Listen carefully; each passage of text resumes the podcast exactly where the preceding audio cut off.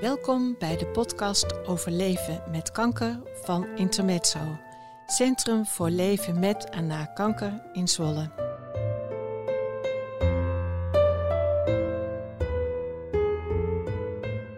In onze podcast vertellen mensen wat kanker in hun leven betekent, professioneel of privé. Aan de microfoon deze keer Kobi Oostveen. Kobi komt al een hele tijd bij Intermezzo, want zij geeft de voorlichting bij Intermezzo over het onderwerp weer gaan werken. Kobi, hartelijk welkom. Dankjewel.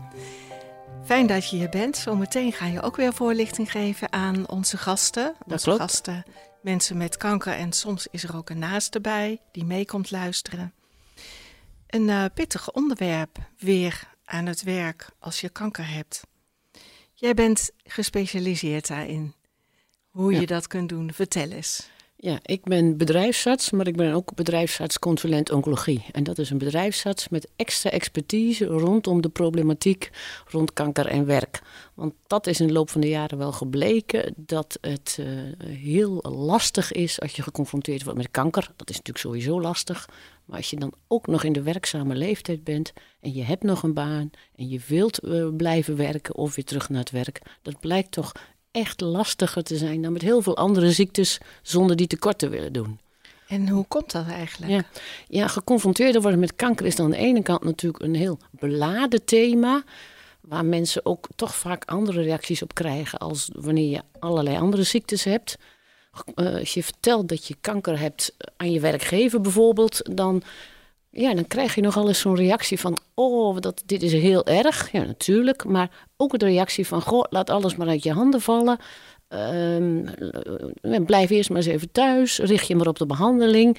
En ja, wij spreken dan wel eens over goed bedoelde verwaarlozing. Want Ja. heel veel mensen willen juist wel graag blijven werken. Die willen wel contact houden met het werk. En dat is al zo'n totaal andere benadering, ook door werkgevers, als wanneer je een andere ziekte vertelt aan je werkgever.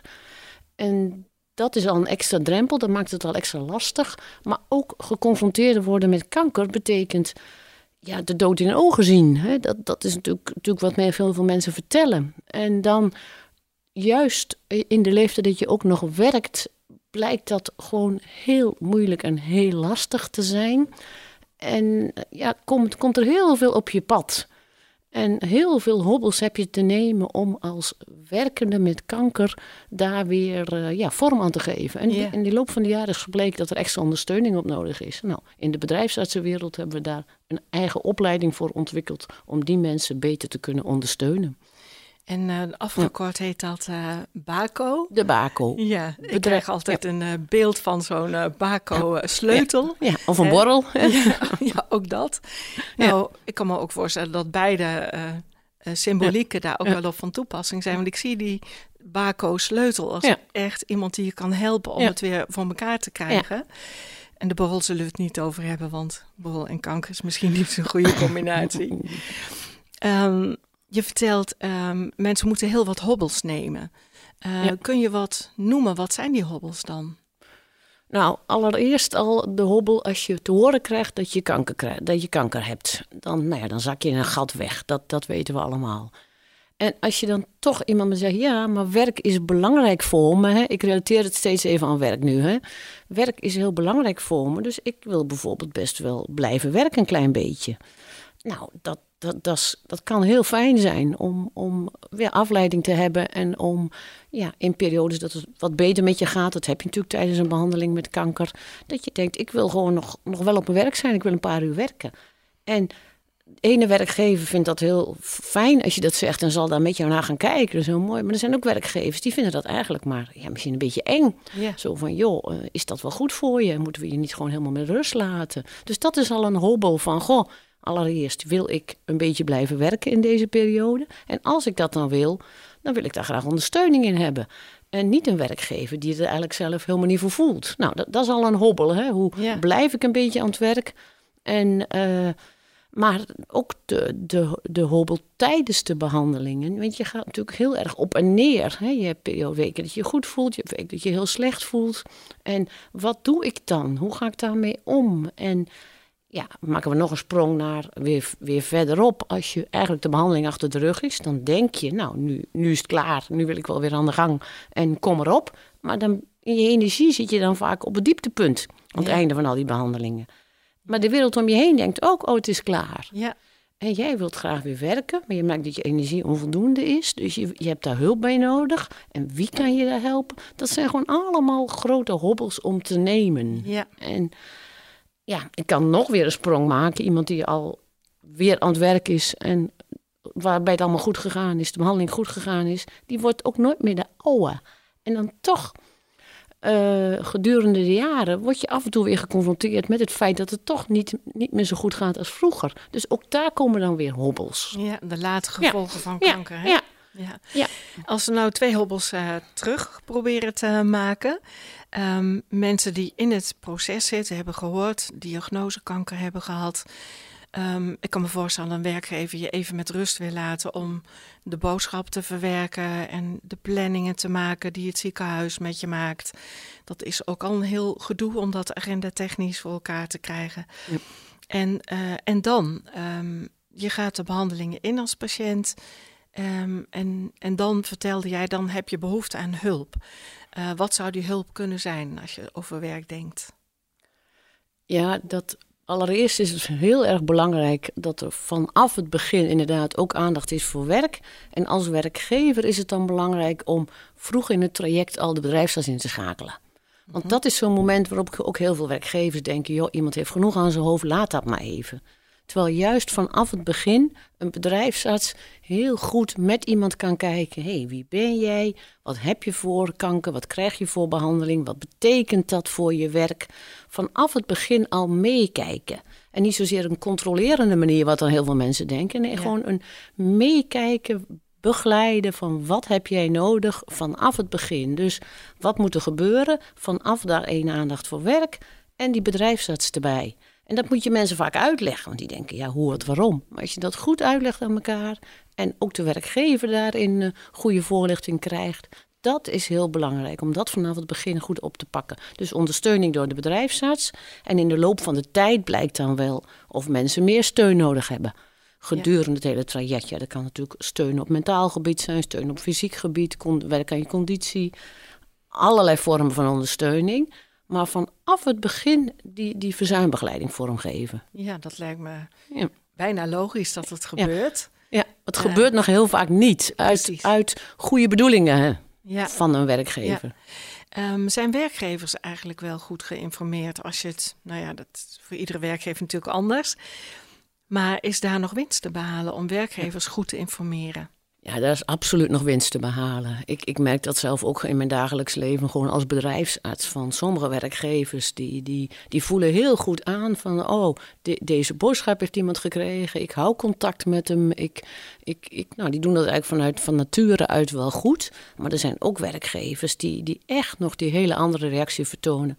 Oh, die laat ik maar even helemaal met rust. Ja. En dat is goed bedoeld ook hoor. Maar wij zeggen wel eens goed bedoelde verwaarlozing. Ja. Dus ja, er is nog heel veel winst te behalen. Niet alleen voor dat beginmoment, maar ook hoe ga je als werkgever gedurende het hele traject, hoe ga je naast je medewerker staan, zodat je ieder moment, want dat traject is iedere week kan het weer anders zijn, hoe gaan we die periode erdoor op een manier dat een werknemer uiteindelijk ja, geholpen is eh, en, en in staat is om het werk eh, ja, mee te nemen, ook als behandeldoel, zeg maar. Als je dat, dat, dat is een heel mooi, eh, mooi doel om samen te stellen. En Ja. daar is voor werkgevers nog heel veel winst te behalen. Ja. Als we even naar die werkgeverskant blijven, kort. Ehm, wie informeert werkgevers eigenlijk hoe het nou precies zit? Als je een medewerker hebt die kanker heeft, wat, hoe weten zij nou wat ze moeten doen? Ja, dat is natuurlijk iets waar, waar je in de praktijk als werkgever waarschijnlijk tegenaan loopt. En als je iets meemaakt, dan heb je natuurlijk een bedrijfsarts om je daar een stukje voorlichting over te geven. Ehm, je hebt natuurlijk twee kanten van het verhaal. Hè. De medewerker met kanker, hoe ga ik die mentaal goed ondersteunen, ook als werkgever? Want daar heb je echt een hele grote rol in. Als je dat goed doet, is de kans op succesvolle terugkeer echt groter. Aan de andere kant heb je natuurlijk de wetgeving. Een bedrijfsarts eh, begeleidt iemand in het verzuim en heeft daarbij steeds op de achtergrond die wetverbetering poortwachten, waarin beschreven staat hoe je als werkgever en werknemer, wat je rechten en plichten zijn, om eh, wat je gedurende het hele proces moet doen, met als doel om tot een goed en structureel resultaat te komen. Nou, daar is een heleboel over te zeggen, maar dat is, ja, dat is misschien niet helemaal nu het thema. Maar da daar heeft ook een bedrijfsarts of een arbodienst, wie je daar maar voor, uh, wat voor afspraak je daar maar over gemaakt hebt, uh, een rol in. Ja. Dus. Goed om te zeggen dat ja. uh, tijdens de voorlichting die je ja. bij Intermezzo geeft, dat je daar ook de wet en regelgeving aankaart. Uh, op het gebied van uh, wat zijn rechten en plichten. Ja. En zodat ook de gasten die bij Intermezzo ja. komen uh, in deze voorlichtingsronde ja. goed geïnformeerd zijn. Ja. de rechten en plichten van poortwachten benoem ik, maar ook gewoon wat is een goede manier om verzuim te begeleiden. En rechten en plichten klinkt zo, maar gewoon waar is iemand, waar heeft iemand baat bij? Dat is ook onderdeel van die wet. Ja, um, als jij zo'n voorlichting geeft bij ons. Um, dan zien wij mensen bij jou uh, naar binnen gaan. Ik kan me voorstellen dat zij binnenkomen met best wel wat vragen die ook heel persoonlijk zijn. En dat het ja. voor iedereen anders kan zijn. Um, waar gaat het dan over als het. Uh... Ja, het gaat over eigenlijk de vragen waar mensen mee binnenkomen. Zo'n voorlichting heb je natuurlijk, ja, ik heb een hele grote presentatie, zeg ik altijd, waar allemaal thema's in zitten die aan de orde kunnen komen. Maar ik begin altijd met een inventariserend rondje. Wie ben je en wat kom je hier halen? -hmm. Wanneer is deze middag voor jou geslaagd? -hmm. En wat wil je even kwijt over jezelf? En dat is dan iedereen. De een wil even vertellen wat hij heeft, de ander juist helemaal niet. Het is allemaal goed. Dus even een rondje van, goh, met wie zitten we hier allemaal? En wat zijn de vragen die er leven? En daar zit toch wel heel veel toch wel heel vaak dezelfde soort vragen in. Maar af en toe zit iemand met een bepaald thema dat je denkt, oh, daar moeten we dan ook even op inzoomen. Ja. Dus het is voor, de, voor degene die er zit, moet het een goede middag worden. Ja. En als je uh, wat voorbeelden zou kunnen noemen van vragen die er spelen bij mensen die ja. in de voorlichting komen. Ja. Nou, in dat begintraject zit het van, goh, wat, wat vertel ik nou eigenlijk aan mijn werkgever? He, want je hoeft natuurlijk niks te vertellen. En, en, maar je mag heel veel vertellen. De meeste mensen vertellen graag aan hun werkgever wat er aan de hand is. Dus dat is altijd wel een thema. Maar ook inderdaad, hoe zit die wet in elkaar? En uh, wat zijn mijn rechten en plichten en, en hoe, hoe, moet ik daarmee omgaan? En wat ook altijd een thema is van hoe, hoe bouw ik in balans mijn werk op? Hoe doe ik dat nou? Ik heb uh, al, of sommige mensen al tijdens de behandeling die wel een beetje willen blijven werken. Hoe doe ik dat? Maar ook, hé, hey, mijn behandeling is klaar. En hoe ga ik nou weer opbouwen? Hoe kan ik nou zodanig opbouwen dat ik het ook volhoud? Want heel veel mensen ja, hebben de neiging om, want de behandeling is toch klaar, om snel weer op te willen bouwen. En dat gaat heel vaak mis, omdat ze niet in balans opbouwen. En s'avonds, uh, nou ja, als een doodvogeltje op de bank zitten en privé niks meer kunnen. Mm -hmm. En dat is geen balans. Dus dat is heel vaak een vraag, daar zijn mensen heel onzeker over. Hoe, ja, hoe bouw ik mijn werk goed weer op? Dat, is, dat is altijd een belangrijk thema. En wat, ja. uh, wat is dan jouw antwoord op hoe bouw ik ja. het weer goed op? Ja, mijn antwoord is altijd, tenminste in algemene zin, ja, uurtje voor uurtje, taakje voor taakje zeg ik dan wel, is begin klein. Begin met een bezoekje aan het werk. Of misschien heb je dat gedurende het behandeltraject ook wel gedaan. Als dat goed gaat, joh, Ga twee keer per week een uurtje naar je werk en doe daarin een taakje die normaal gesproken iets is nou, wat je aan het eind van de middag nog even fluitend doet. Dus een klein en afgebakend simpel taakje. Begin daarmee. En plan altijd meer tijd voor de taak die je wilt doen dan je daar in gezonde situatie over doet. Dus tijd en taken in balans opbouwen en begin klein over de volle breedte. Dus niet een hele dag, maar een paar keer een uurtje. En bouw geleidelijk tijd en intensiteit van je werk op. Dat is altijd mijn belangrijkste boodschap. Ja. Um, hier komen gasten bij Intermezzo van alle leeftijden. We spreken nu over weer gaan werken over mensen in de werkzame leeftijd. Dat kan zijn tussen 18 en 67. Is er ook nog een verschil in uh, of je jonge of wat oudere mensen adviseert? Ja, absoluut. Het is natuurlijk individueel zijn de verschillen groot. Mm -hmm. Maar over het algemeen is het zo dat als je op oudere leeftijd geconfronteerd wordt met kanker, dan is het vaak lastiger terugkomen dan wanneer je nog jonger bent. Als je jong bent, heb je meer reserves. Hè? Mm -hmm. Dat merk je sowieso in de loop van je leven. Dat werk naar verhouding wat meer energie gaat kosten. Je reserves gaan achteruit. Nou, als je dan een behandeling voor kanker krijgt, ja, dan gaat dat nog veel harder. Dus mensen die wat ouder zijn, hebben vaak meer moeite om terug te komen. Maar dat is bijvoorbeeld ook zo met mensen die. Uh, een, een, dat hangt ook af van het type werk wat iemand doet. Mhm. Als je wat lagere opleiding hebt en je hebt fysiek zwaar werk, hè, dus je echt met je lichaam veel moet tillen en moet trekken en moet duwen, ja, dat hou je in het begin niet zo goed vol. Dus daar moet je heel, heel gedoseerd in gaan opbouwen. Maar aan de andere kant ook mensen juist met een hoge opleiding die werk doen met hun hoofd. En ja, waarbij ze zich heel goed moeten kunnen concentreren, een hoge werkdruk hebben, veel dingen tegelijk moeten doen. Dat is juist ook vaak heel lastig als je zo'n behandeling hebt gehad. Hè? Die, die concentratieproblemen die heel veel mensen ervaren. Dus juist ook hoogopgeleiden hebben op die manier weer meer problemen om. Dus er zit een heel groot verschil in type werk wat je doet, leeftijd die je hebt, noem maar op. Ja. En ehm, we horen dat vaak van onze gasten, dat concentratieproblemen spelen. Ehm, het lijkt al bijna kenmerkend voor behandeling met en na kanker. Heb jij daar een verklaring voor? Ja, dat is, dat, dat, ook dat kun je weer heel breed trekken. Er wordt heel vaak gedacht, oh, als ik chemotherapie heb gehad, hè, dan krijg ik een chemobrein en dan heb ik problemen met mijn concentratie, cognitieve beperkingen. Nou, dat is ook wel vaak zo, maar het is niet alleen maar iemand die chemo heeft gehad. Het feit dat je te horen krijgt dat je kanker hebt, dat je misschien wel doodgaat of dat je die gedachten hebt, en dat je daarvoor behandeld moet worden. Dat doet al zoveel met iemand dat dat ook ertoe kan leiden dat je niet meer zo goed kunt concentreren, dat je cognitieve klachten krijgt. Dus het is, ja, het kan gerelateerd zijn aan chemo, maar het kan ook gewoon het feit dat je daarmee moet leven van, goh, ik heb kanker of ik heb kanker gehad. Dat doet al heel veel met iemand. Dus die verklaring is breed. Mhm. Ehm, wat kan iemand daar nou zelf aan doen? Heb je daar als patiënt, als gast van de intermezzo, heb je daar invloed op? Ja, ja je hebt daar zeker wel een mate van invloed op. Hè. Je kunt natuurlijk zeggen, heel veel overkomt je. En hoe, hoe, hoe, wat, wat gaat de behandeling met me doen? Hoeveel bijwerkingen? Maar het is altijd heel goed om te kijken, wat kan ik er zelf aan doen? En wat een belangrijk advies is, ook echt vanaf het begin, dat is blijf in beweging want er werd natuurlijk vroeger gezegd van neem je rust, pak je rust. En dat is zo'n lastig begrip. Want pak je rust is niet ga de hele dag op de bank liggen. Mhm. Dus inderdaad, neem je rust, zorg voor je ontspanning. Maar blijf ook bewegen. En als jij iemand bent die graag sport, blijf dan ook sporten. Hoe gek dat soms ook klinkt. Mhm. Als je net een chemo hebt gehad, valt dat niet helemaal mee. Maar een aantal dagen later of de week daarna lukt het soms weer wel. En als je dat toch moeilijk vindt, kun je daar ook begeleiding in krijgen. Mhm dus aan de ene kant mensen zeggen, nou, ik ga elke dag maak ik mijn wandeling. Maar aan de andere kant mensen die denken, nou, ik heb daar wat ondersteuning bij nodig.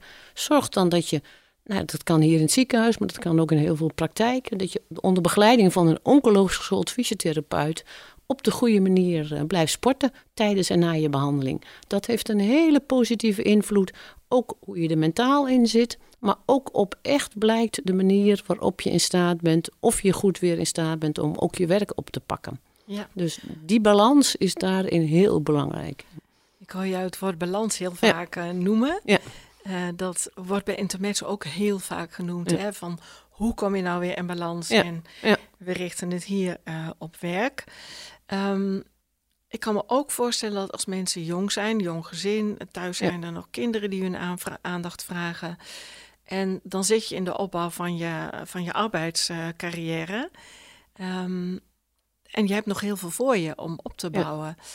Uh, en dan in balans komen. Ja. Heb je daar tips voor? Want... Ja, dat is een enorme uitdaging. Als je ook een gezin hebt en je hebt een baan en misschien doe je er nog wel een opleiding bij en uh, wil je ook nog je hobby's wat intact houden, dan is echt de kunst om ik zeg altijd je totale levensplaatje op een rijtje te zetten. En dat staat natuurlijk allemaal op een laag pitje tijdens zo'n behandeling.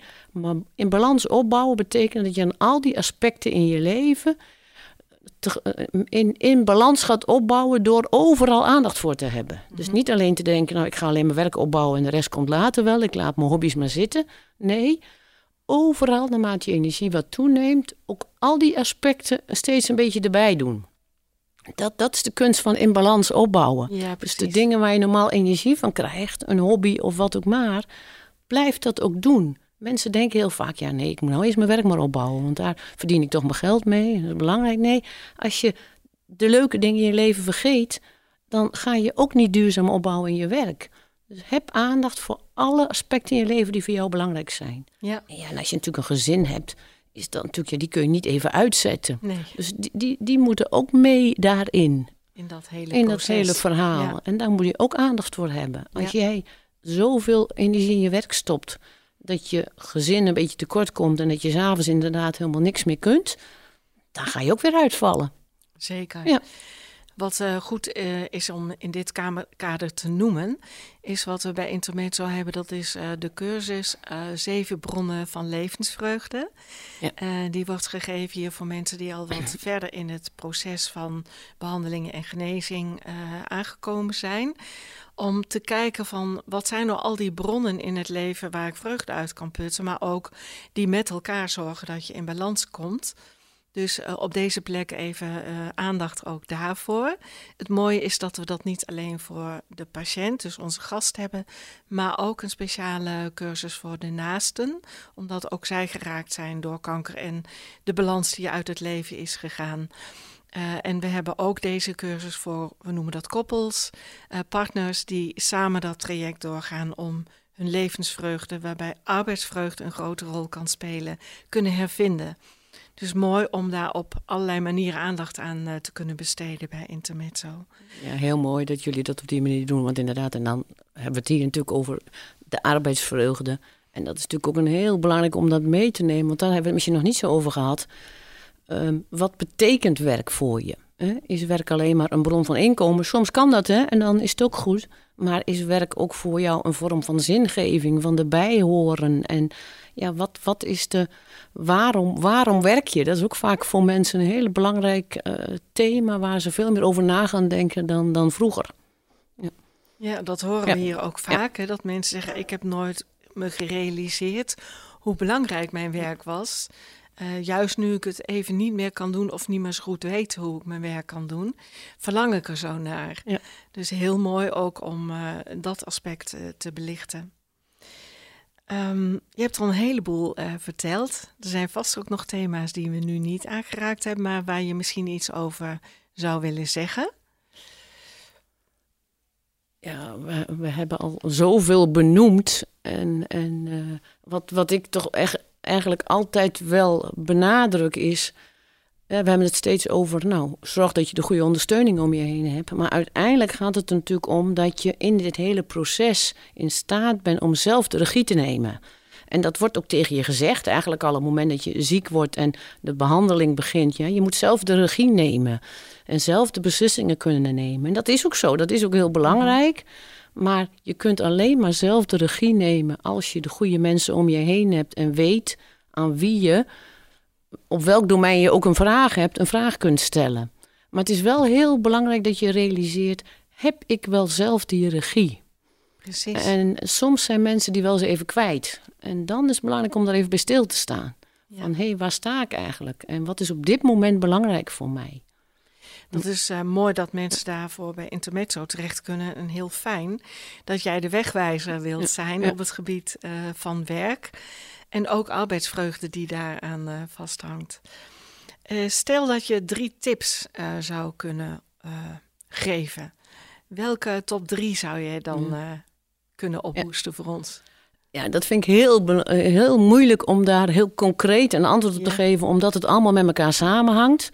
Maar wat, wat ik toch altijd wel als eerste tip heb, omdat dat gewoon de eerste is van jongens, heb echt aandacht voor werk vanaf dag één. Dus op het moment dat je die diagnose krijgt, dan moet je ook aandacht hebben voor je werk. En natuurlijk denk je daar met jezelf helemaal niet aan, maar dan moet iemand anders er even voor je aan denken. Dus dat is heel belangrijk. En, want ik, ja, ik praat nu natuurlijk over de, het stukje werk. En zorg dus ook dat je, jij en je werkgever vanaf het begin de goede ondersteuning krijgen. Want dat is, als je dat vanaf het begin goed doet, dan kun je door het hele traject heen goed die begeleiding krijgen. En daarbij ook toch altijd gewoon de, het, simpele advies, maar blijf in beweging. Dat is voor alles goed. En kijk steeds zelf op welke manier dat voor jou goed is. En schroom ook niet om als je merkt van, goh, het is mentaal voor mij zo moeilijk om ook op dat stukje in beweging te blijven en daar ondersteuning te zoeken. Het is niet gek dat jij het mentaal moeilijk hebt. Dat je zegt, joh, ik wil graag praten met een psycholoog of een maatschappelijk werker of wie dan ook maar. En ja, zo stel ook die vragen. Ja. Mensen kunnen ook terecht bij de ondersteuningsconsulent van Isela, die bij Intermezzo kantoor houdt. En ook daar kan heel breed gekeken worden van wat heb je nodig en hoe kom je in balans en hoe hou je een beetje de regie als je kanker hebt. Um, vanmiddag ga je weer aan de slag bij ons. Heel fijn dat je weer uh, voor een groep mensen goede uitleg wil geven. We horen altijd goede berichten over uh, als je geweest bent dat mensen echt wat aan hebben. Voor wie dat nog niet heeft gedaan en het wel nodig heeft, kun je gewoon bellen naar Intermezzo en uh, bij ons terecht voor de eerstkomende voorlichting weer gaan werken. Uh, Kobi Oostveen vandaag aan de microfoon bij ons. Heel fijn dat je dit uh, voor ons hebt willen doen. En um, ik wil je daar heel hartelijk voor bedanken. Graag gedaan. Je luisterde naar de podcast van Intermezzo over leven met kanker.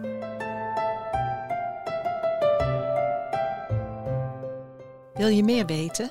Kijk op onze website www.intermezzo-zwolle.nl. Elke maand is er een nieuwe podcast. We bedanken iedereen die heeft meegewerkt aan de totstandkoming van al onze podcasts.